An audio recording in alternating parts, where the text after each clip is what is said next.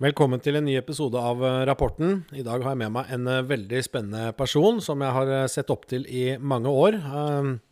Jeg møtte han i London da han jobbet i City Group og jobbet med corporate finance, spesielt rettet mot tech. Så vi skal snakke litt om teknologibransjen. Vi skal snakke litt om Litt om egentlig hans eh, karriere, som er veldig, veldig interessant, og, og litt om selskapet han leder i dag, som heter Orbify, og hvordan, eh, hvordan han kjøper selskaper for å skape merverdi når disse selskapene jobber under både felles paraply, men litt om også strategien, hvordan han plukker disse selskapene. Og jeg kan vel hinte så mye at mye minner om eh, Warren Buffett, bare at det er på, på et tidligere stadium, men det er med noe av de samme kriteriene.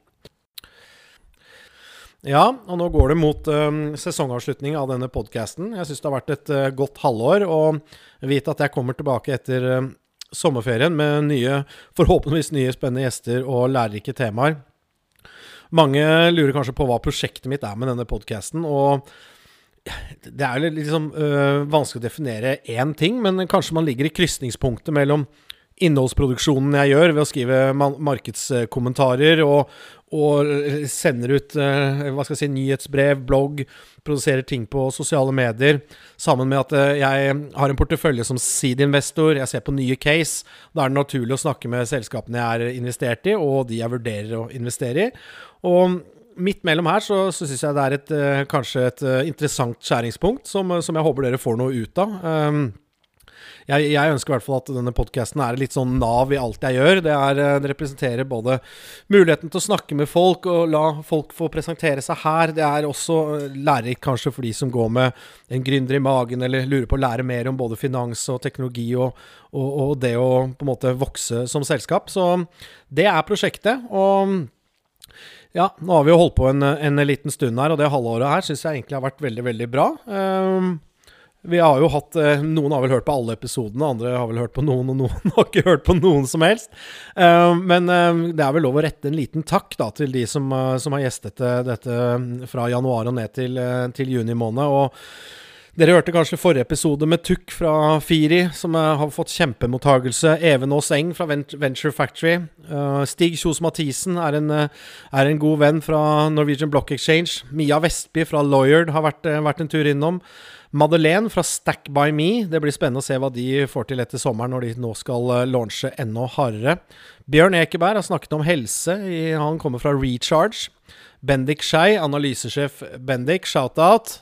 Jeg håper det går bra med deg i, i Arcane. Uh, vi har hatt Frode Lia her fra Fotballquiz. Vi har hatt Lars Johan Bjørkevold i Scaleup HQ. Vi har, hatt, uh, vi har snakket aksjer med Kristoffer Christensen. Vi har uh, Kjetil Holmefjord. Har vi tatt et lite dypdykk ned i norsk startup-verden. Kimberly Larsen har vært der fra Indie Riot. Torbjørn Bull Jensen har eh, gjestet en av de mest lyttede episodene her. Eh, og det var vel i eh, februar-april. Og så har vi hatt Truls Petter Halvorsen fra ABG Sundal Collie. Så da en stor takk til alle dere som eh, stilte opp. Og nå skal vi snart sette over til eh, Aksel eh, Tenvik. Vi skal bare ha den ukentlige lille oppdateringen som skal være veldig rask nå, om Jespos. Vi har eh, sluttført et veldig, veldig stort og fint salgsoppdrag som vi kommer til å lage litt content i gjennom sommeren nå. Det er det er et selskap som har en eh, eh, funnet en frilansselger hos oss, jobbet med, med den personen i fire uker og gjort eh, salg, og er veldig fornøyd. Både for pris og utførelse, og det viser bare at eh, produktet fungerer. Og jeg gleder meg til å vise det frem, så følg litt med på jespos.no gjennom sommeren. Der inne på bloggavdelingen så vil dere da finne en artikkel med, med bilder og intervjuer av det, og andre ressurser hvis dere trenger det. Så setter vi over til Aksel.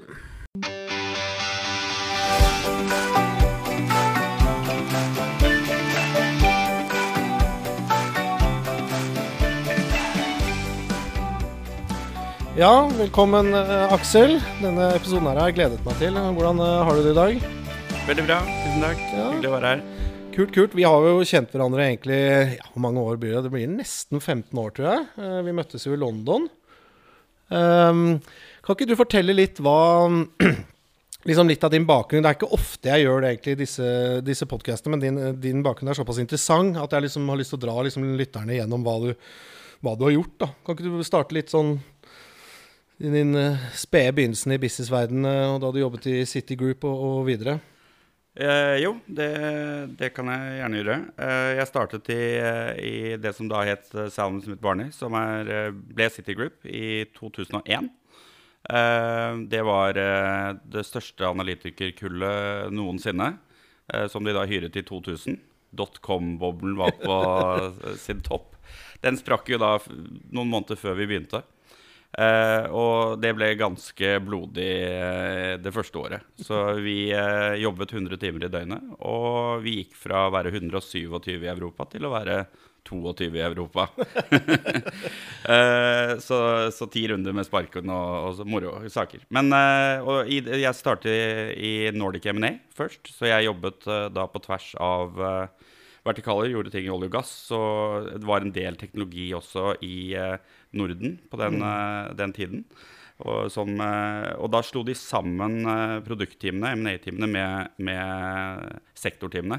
Mm. Uh, så, ta, ta, det liksom, Hva er M&A og hva er ja. sektor? Hvis du tar det bare litt ja. sånn på tre setninger. Liksom. Uh, ja, så Produktteam M&A, da driver man med oppkjøp uh, og sammenslåing av selskaper, rådgivning på det og finansiering. Så vi vil enten representere et selskap som skulle kjøpe et annet selskap, eller et selskap som ønsket å selge seg, eller et selskap som da skulle hente inn penger fra, fra investorer. Mm. Um, så hadde man i tillegg da Så det var produktteamene. Og så hadde man da sektorteamene, som var spesialister på en, den sektoren de Så de holdt på bare med olje- og gasselskaper eller bare med teknologiselskaper osv. Uh, så de slo oss sammen, og, og, og så der, da kom jeg egentlig inn på, med, med tech-fokus uh, egentlig 100% fra 2002 av. Var, i, var, i, City frem til 2007. Uh, og så fikk jeg tilbud om å være med i et nystartet hedgefond, der jeg ble seniorrådgiver for det i Europa. For å hente inn uh, kapital som vi vokste fra null til halvannen milliard i, i, forvaltningskapital i løpet av tolv måneder ca. Så det gikk fort. Midt i finanskrisen, eller var det Det var, det var da før. Oh, ja, okay. og, og det å hente inn penger før det var jo igjen lett. Og så den dagen finanskrisen kom, så var det jo bare umulig å hente penger til hedgefond. Så, så, og det var jo en av de hovedgeskjeftene jeg drev med, i tillegg til å, å, å se på europeiske investeringsmuligheter. Um, så da satt jeg litt sånn OK. Um, grunnlaget for å tjene penger, uh, fordi jeg levde mye av å hente inn penger, uh, det ble veldig vanskelig. Så da tenkte jeg hva gjør jeg nå? Uh, det er jo finanskrise som var pga. Uh, boligmarkedet som kollapset i USA. Eh, så jeg hadde en kamerat som hadde drevet med å kjøpe distressed real estate, lån, konvertere til asset, og så selge. Så jeg snakket litt med han, og så sa jeg du, det du driver med nå, det, er jo kjempeinteressant nå. Uh, skal vi bare tenke på det du gjør nå, men skal vi bare gjøre det mye større? Så, så, kastet vi inn et uh, bud på en divisjon uh, av uh, en bank som var i ferd med å gå konk. Og, og, og, så hadde vi en dialog med de. Vi fikk noe funding fra en Men hva, hva, er man ute etter når man ser på en sånn bank? Er man ute etter porteføljen, eller, liksom, eller hvordan tenker dere? Porteføljen. Ja. så for dere mente at den kanskje var ikke undervurdert, men den var jo, jo på diskanta fordi de var, altså det var så altså vi, vi, fokuserte på da en, en, del av markedet som var private hjem, ikke ferdigbygget. Men var 90 ferdig, så de hadde ikke da det som heter occupancy permit, så du kunne ikke flytte inn. Men det var veldig lite som skulle til, veldig ofte. Det manglet kanskje stikkontakter og lister. Ja, uh, så, et men, så, et lån som var på, på, et hus som hadde hatt en verdi på 1,3 millioner dollar eh, som det lå kanskje et lån på 1 million. Eh, det fikk man kjøpt for 100 000 dollar. Og så var det å gå inn, bruke 50 000-100 000 dollar, og så kunne du flippe det huset som et nytt hus for 500 000 dollar. Det var kjempebusiness. Eh, men gjøre det da på skala. Eh, så, så, vi var i dialog med denne banken, og så trakk de seg fra prosessen. Og så de, ble de tatt uh, av Eh, av eh, FDIC etterpå, som er banksikringsfondet der borte. Som da tok kontakt med oss og sa vi ser at dere har vært interessert. Er dere interessert igjen? Så da hoppet jeg på et fly mm. over der. Uh, en del av de uh, hedgefondinvestorene vi hadde hatt, uh, som var Family Offices og den type mm. ting, syntes at dette var spennende. Så vi fikk en linje på 100 millioner dollar som vi begynte å kjøpe den type eh, lån fra. da. Mm. Og det var jo et marked som, som, Da var det veldig få som var i det det segmentet. Altså, hvor, få er det liksom tre stykker som du klarer å Du trenger ikke å si navnet, var ikke sånn ment, men hva er få i et sånn ja, Det var, det var eh, altså, det, det var, kanskje to det, andre, liksom? Ja, også kanskje to andre. Inkludert ja. uh, Steve Mnuchin, faktisk. Han som uh, oh, ja. Finansministeren til Trump, det. ja. ja, ja. Så Nei da. Så det, så det var, var, en Altså, det var et vindu som, som var åpent i to år. Um, og, eh, og, så kom jo de store eiendomsaktørene tilbake. ikke sant? Og vår uh, cost of capital da, ikke sant? Vi hadde jo en måtte jo skape returns for våre investorer som sant? 25 pluss. Mens når, når eiendomsfondet kommer inn som har åtte, så, så, blir vi prist ut etter hvert igjen. Men det er jo interessant med det amerikanske markedet hvor fort det regulerer seg tilbake. ikke sant? Men, eh, men det, var, eh, det, var, en kjempereise. Eh, flyttet da tilbake til Europa etter det stuntet. Og kastet meg på den grønne energibølgen og var med å starte et selskap som utviklet biomasse- og biogassprosjekter i Polen. Uh, og, og, fikk det opp å gå, og solgte en del av det noen år senere til, uh, også til private equity. Um, og så giftet jeg meg, fikk barn og gikk da tilbake til investment banking-verden uh, igjen. Startet for en, da en butikk-investment bank som het Stella EOC, som var London-basert. Kontor i Stockholm og Oslo, og etter hvert også i Tyskland. Um, og da satt jeg i, i, London i, og, i noen år, og så flyttet jeg sånn delvis over til Palo Alto og var liksom uh, bridgen mellom de store amerikanske tech-selskapene og våre europeiske klienter. Så vi skulle da Vi representerte selskaper som ønsket å selge seg. Alle drømmer om å bli kjøpt av Facebook eller Google. Så, så, jeg hadde jo hele tiden møte med de store tech-selskapene. For de har jo store M&A-avdelinger. Eller altså Google ja. Facebook har jo ja. sikkert mange team som ser på oppkjøp hele tiden. Ja, og så er det, sant, så er det, det som var de, de, ser jo på ting hele tiden selv, men det som var viktig, var å liksom forstå hva er den strategiske retningen deres i oppkjøp? Hvor, hvor, er det de ønsker å styrke seg gjennom det? Eh, for da kunne jeg gå tilbake med det og så se på okay, hva ligger i porteføljen vår i Europa, eller hvilke selskaper kan passe inn. For altså det er det å kaste bort tiden deres og bare mate dem med 'her er det en mulighet, her er det en mulighet', her er det en mulighet, da stenger de, tar de ikke telefonen så ofte. Men hvis du kommer med interessante ideer mm. som er liksom passer inn, Akkurat som det... nå, så må det være noe med liksom VR-briller eller AR eller metavers. Alle ja. de satser der nå, ja. og da må man vite at det er det som gjelder. Ja, man kommer med... ikke med en ny app med bilder, konkurrent av Instagram nå, på en måte. Nettopp. nettopp. Uh, nei, så jeg har bygget jo da en, en veldig god uh, et godt nettverksbase med de store, og også det å kunne være med på liksom, å se på mm. og, og, forstå den strategien deres litt fra innsiden. da. Uh, så, så det Og så ble jeg etter hvert Stella IC kjøpt opp av uh, eh, GCA Altum, og da begynte det å bli liksom en sånn stor investmentbank uh, igjen. ikke sant? 500 mm. pluss, uh, og så ble de også kjøpt opp. så da Og da flyttet jeg tilbake til Norge og, i, i, under covid. og det var altså det å jobbe for sånn stor investmentbank igjen, det var jeg på en måte ferdig med i mm. starten av min karriere. Uh, men uh, å komme tilbake til Norge uh, juni 2020 og tenke litt på Nå har jeg lyst til å realisere liksom et, et, behov i markedet som jeg hadde sett over så mange år. Mm.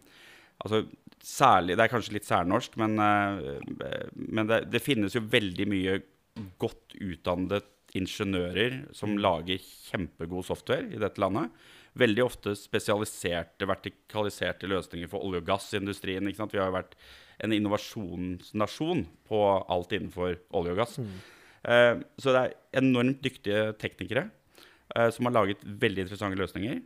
Som, eh, men som kanskje ikke er så gode på å markedsføre og selge disse løsningene. Ikke sant? Litt sånn 'Dette er så bra, det selger seg selv.' Eller de har liksom sine kjernekunder og tenker at Ja, vi er et olje- og gassprodukt, eller, ikke sant? men det kan tenkes da at det også kunne tilpasses for å kunne bli brukt i bygg- og anleggsbransjen. Mm. Eller ikke sant, en annen vertikal. da. Uh, og, og, det ser man jo med uh, altså, Vi har jo en del suksesshistorier uh, innen tech, men det er ikke så mange i sammenlignet med en del andre land. Før, før du drar oss mm. gjennom det, for det er jo jeg har jo lest i avisen at de siste tiårene hvordan vi må bridge disse verdenene. Vi har liksom oljeingeniører på den ene siden, alt er bra, og så har vi liksom behov andre steder. Hva, hva er din sånn vurdering, hvor flinke vi har vært til det, egentlig? Eller er det sånn at en oljeingeniør på 45 som har lang karriere, han bare sånn ser ikke på andre bransjer? Eller, eller er vi flinke til å overføre? Eller er det overførbart? Kan, kan ikke du bare dra litt sånn generelt eh, litt rundt de tingene der? Ja, altså, eh, altså det, det, har vel eh, Altså uten at jeg har full statistikk på, på dette her, men så har det vel vært en skiftende trend hvis du ser på NTNU nå, at det er I hvert fall var i en periode da, færre som utdannet seg til oljeingeniører og har gått inn i andre ingeniørfag og, og kombinert med computer science-fag og, og, den type ting. Så jeg ser nok at altså, fra utdanningsinstitusjonene så skjer det vel en viss gradvis endring. Og, og den endringen må jo få lov til å uh, få tid til å det, altså, det tar jo noen år. Mm. De som sitter på skolebenken nå, innen de er klare. Men så har det vært et sånt eh, Det skjedde altså Da oljeprisen kollapset for noen år siden, så var, var det plutselig All fokus var jo på startup i Norge, ikke sant? så alle skulle, skulle over der. Og så har vel pendelen nå, med oljepris igjen som har på 120, eller hva den nå mm. ligger på i dag, eh, så har jo pendelen svunget litt tilbake. Det er jo, en, altså, det er jo noen år igjen eh, med, med, olje og gass. Det, det, grønne skiftet vil jo ta tid. Mm. Uh, men uh, men uh, ja Så, så samlet, samlet, du disse trådene i Norge da, liksom, og satte i gang et nytt prosjekt? Og så dra oss inn i liksom, hovedvirket ditt i dag. Da. Det er det som er litt greia her. Ja. Mm. Nei, så, så jeg, jeg hadde, hadde, denne ideen om uh, at uh, som sagt, det finnes veldig mye gode uh, software-selskaper som omsetter kanskje for et sted mellom 10 og 50-60 millioner, som har holdt på i 5-10 år. De er ikke de som er kanskje unge og lovende fremdeles, men de har liksom har et produkt, de har gode kunder. Eh, de har kanskje gått fra å være en uh, tradisjonell license maintenance-modell konvertert til uh, software as a service og abonnementsløsning. og vokser litt, men det er likviditetsskvis, ikke sant. Det er, og om investormarkedet som sådan, da, i det segmentet Har du holdt på i ti år og du vokser jevnt og trutt, det at du plutselig skal liksom hente 20 millioner og en hockeystick Det er ikke så mange investorer som er i det segmentet. Det, er, det, passer ikke for WC-ene. Du er for liten for private equity. Uh, og uh, i tillegg så er kanskje exit-mulighetene i et sånt segment som det, det er færre. Om du kan være heldig at det er et uh, private equity-selskap som kjøper noe og skal gjøre en roll-up i den vertikalen.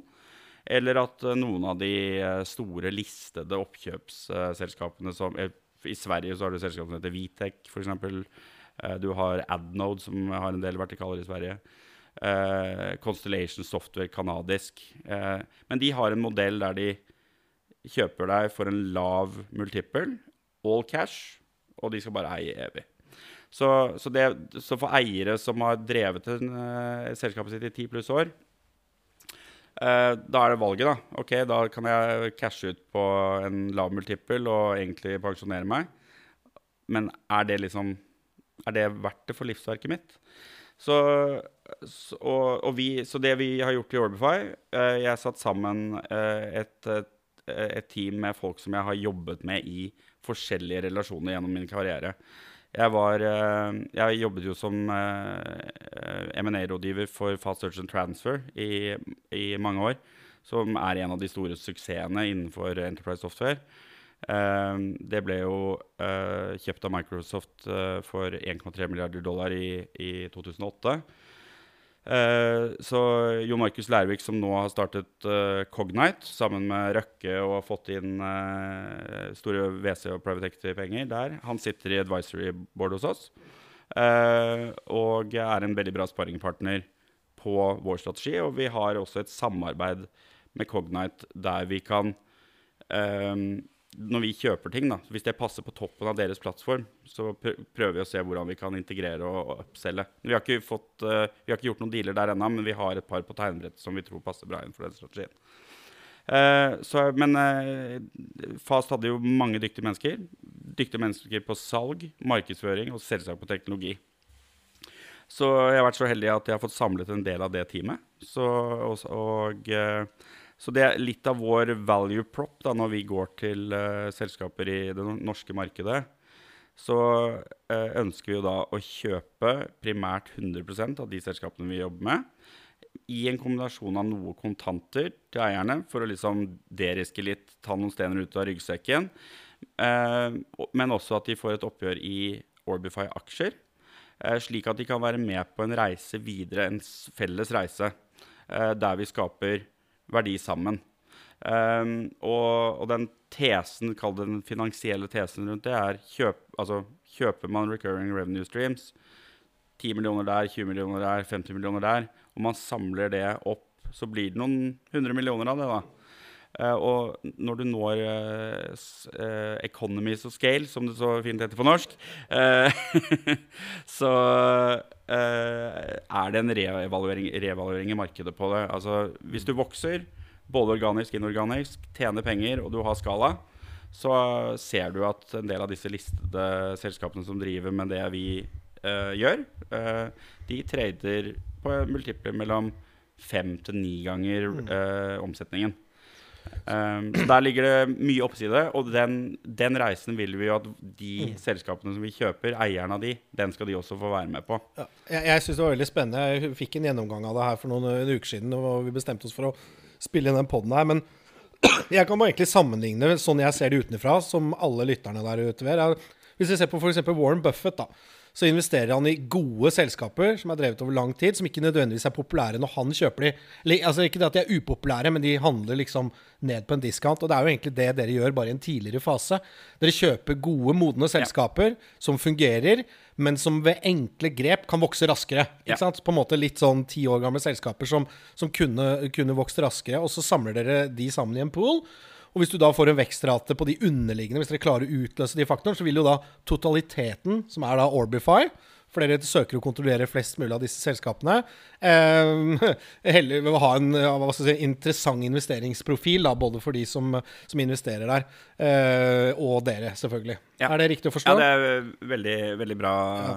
uh, måte å si det på. Så Nei, så, de, så, disse selskapene vi kjøper, de blir jo også fremdeles De er jo sine egne legal entities.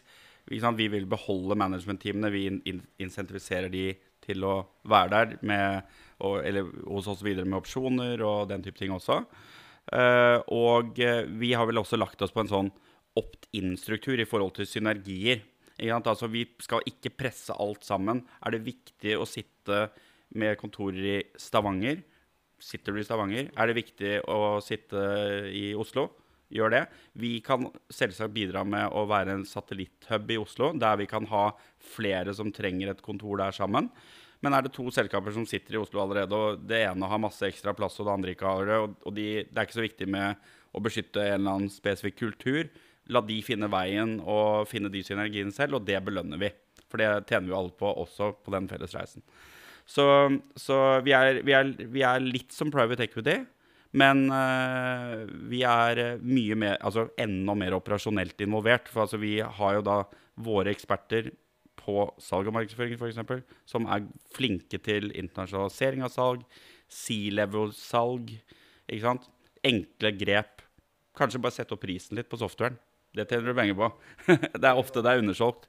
Og i tillegg da, til det så har vi um, også laget en egen uh, uh, maskinlæring AI-løsning. Uh, så vi var så heldige at vi fikk en ph.d. som var i fast. Med, på, med, oss på laget tidlig. han jobbet de siste ti årene før han joinet oss i, for Rakuten i Japan. Så han ledet deres uh, data science-avdeling med 250 data scientists. Uh, som uh, gjør alt av AI og intelligens for Rakuten. De som ikke kjenner Rakuten, så er det verdens nest største marketplace etter Amazon. Så, og vi kjenner jo alle til Amazon Alexa og hvor mye algoritmer som ligger i bunnen der i forhold til pris og sånn som Amazon gjør. Rakuten gjør jo veldig mye av det akkurat det samme. Uh, så han har vært en kjemperessurs. Så vi har fått satt sammen en, det vi kaller en data enrichment-plattform. Når vi kjøper en software-løsning, som, eh, da ligger det jo masse dataer i siloer. ikke sant? Så, eh, vi plugger inn eh, den dataen i vår plattform. Eh, og gjør dette da fra å ligge i en silo til å ligge i en data lake, som det kalles. Så kan vi berike det også med andre datakilder. Det, det, kan, er, det kan være værdata, eller det kan være alle mulige andre datakilder. Uh, og da kan vi plutselig gjøre om uh, data til innsikt. Og så kan vi begynne å automere prosesser og rett og slett gjøre de software-løsningene vi kjøper, smartere. Eller lage tilleggsmoduler Uh, så den, uh, den, det er en kjempeinteressant uh, mulighet som ligger, ligger, på toppen av alt dette. Der vi ikke bare hjelper selskapene med å bli bedre og selge seg, men vi kan også gjøre produktene de har, bedre. Og future-proofe det med AI. Det er jo på en måte et sånn overhengende Og det er jo proprietary software som Orbify eier, ikke sant? Ja. Så det vil jo ligge der. Som, det kan man jo både lisensiere ut og gjøre mye annet uh, ja. med, tenker jeg, da. Men, uh, nei, men så spennende. Ok, men så dere er i markedet nå og racer litt uh, penger, som mange andre sikkert, denne sommeren. Hvordan syns du Hvordan er det i forhold til at det er liksom ruglete på børsen, og nå ser jeg at det liksom begynner å plukke seg opp, da. Jeg mener, vi, jo, vi er jo opp sikkert 6% nå siden bunnen og oppover på SMP nå allerede. Men hva er dine tanker rundt det?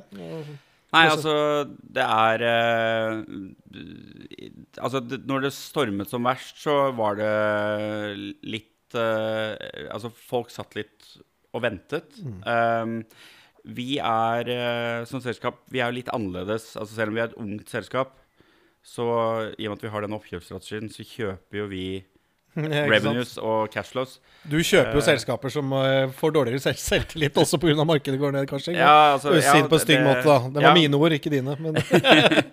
jo, men, men altså, selv om vi er et ungt selskap og en startup uh, også, så er vi en startup som plutselig har noen hundre millioner i omsetning og tjener penger. Mm, mm. Ja, så, så, risikoprofilen på, på oss, det, og, og det at vi kommer at vi er i positive cashflows og den type ting, det gjør at vi er litt annerledes da enn en mange andre unge selskaper som er ute og henter penger. Mm. Så uh, vi, uh, vi um, jo, har jo vært heldige sånn i, i, så langt i at vi hentet inn en del penger i fjor. Mm. Og fra en del uh, lojale investorer som er family offices og high net worths både her i Norge og i utlandet. Så, så vi, eh, det kommer jo en del uh, mer fra vår eksisterende base. Og så er vi alltid interessert i å få flere nye investorer. Vi har jo en plan om å gå på børs med dette selskapet her uh, om et par år. Um, og det er jo prosesser du har jobbet tett med tidligere. på en måte Du har jobbet ja. i miljøer som børsnotert Hvor mange børsnoteringer har du egentlig sett og vært nære holdt jeg på å si, i de siste 20 årene? Det er jo ganske mye. Ja, jeg, altså jeg, jeg har gjort uh, Hva er det? Jeg har gjort ca. 3 milliarder dollar i oppkjøp og sammenslåinger, og så har jeg gjort to i IPO-er. Ja, og så en del gjeld i tillegg. Ja. Nei, så Det er jo det som er spennende her. ikke sant? Og da, da får man jo plutselig og hele greia her, at hvis man får da en premium på aksjekursen i Orbify, da, på f.eks. en børs, så er jo det valutaen deres når dere ja. handler andre selskaper.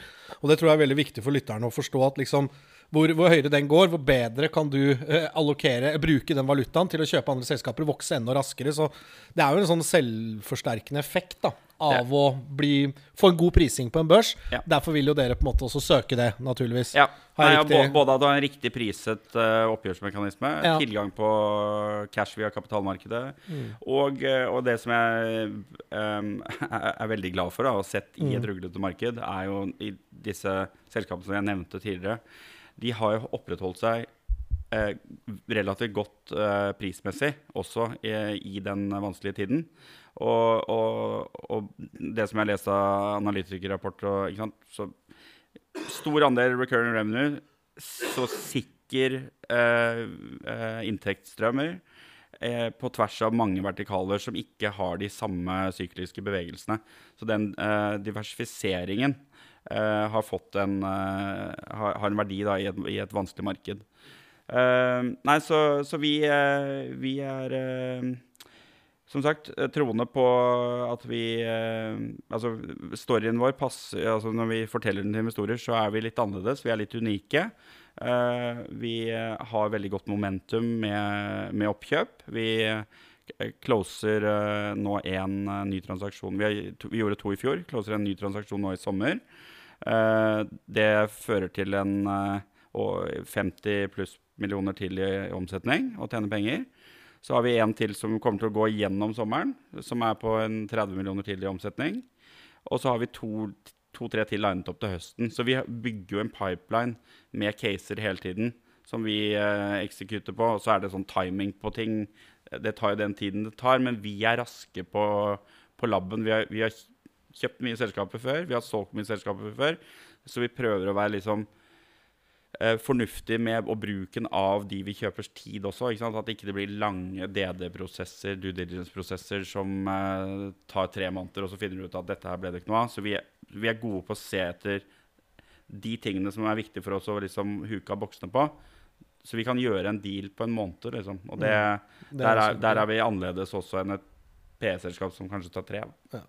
Nei, men Det er bra. Mm. Hvis noen uh, syns dette var interessant og har lyst til å komme i kontakt med deg eller dere, hvordan er det man treffer har du, Er det noen e-post du har lyst til å dele, eller noen annen måte å komme i kontakt med dere på? Ja da, uh, så vi har en, uh, vi har en webside. Mm. så det er orbify.ai.